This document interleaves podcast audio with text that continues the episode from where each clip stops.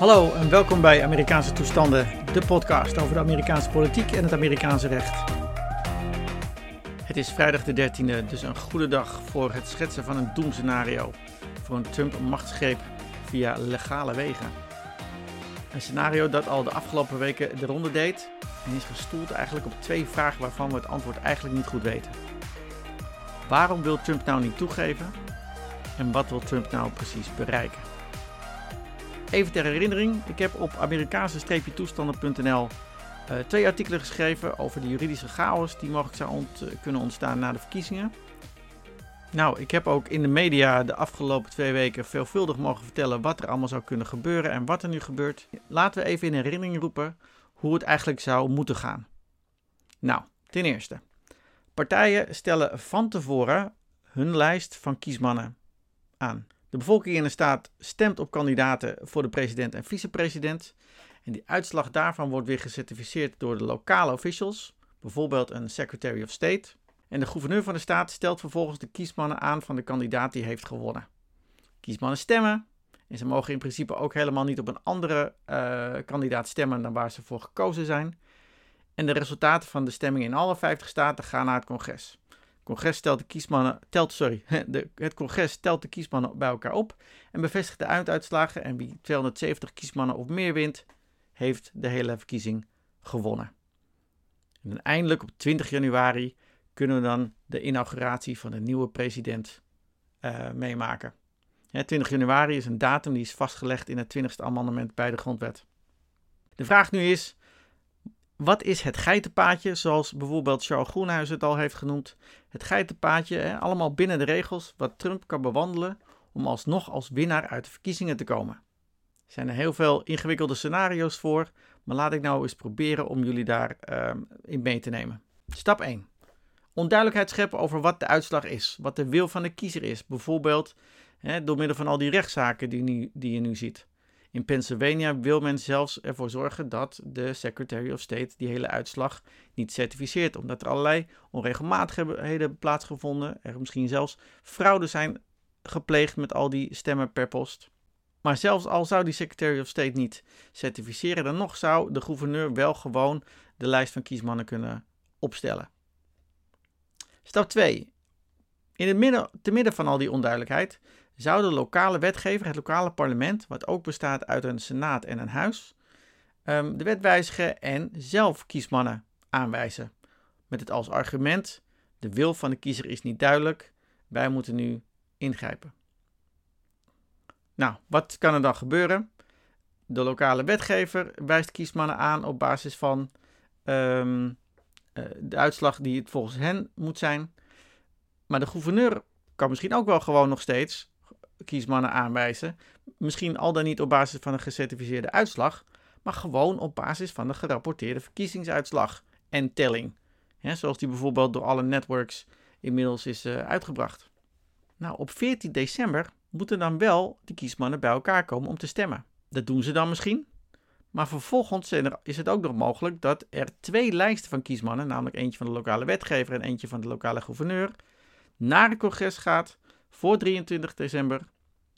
Om voor het congres vervolgens te beslissen op 6 januari welke lijst nou precies voorgaat. Nou, en de wet stelt dan vast dat omdat de lijsten niet op reguliere wijze zijn vastgesteld, moeten het Huis en de Senaat het eens worden over welke lijst nou doorslaggevend is.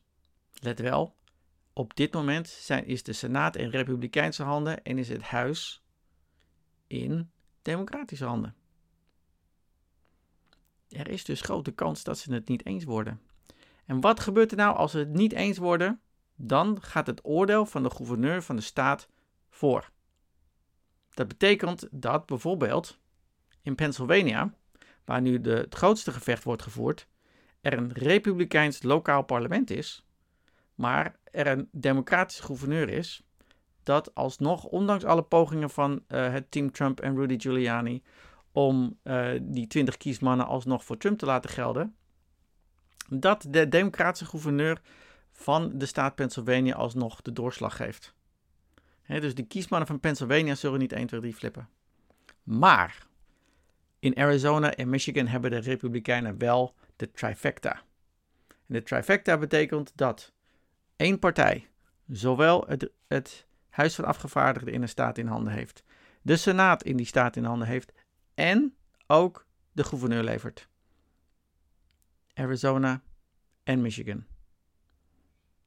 Zoals Donald Trump er zou in zou slagen om op 6 januari Arizona en Michigan te flippen, of misschien wel al in een eerder stadium, dan zou de uitslag nog wel eens anders kunnen gaan uitvallen.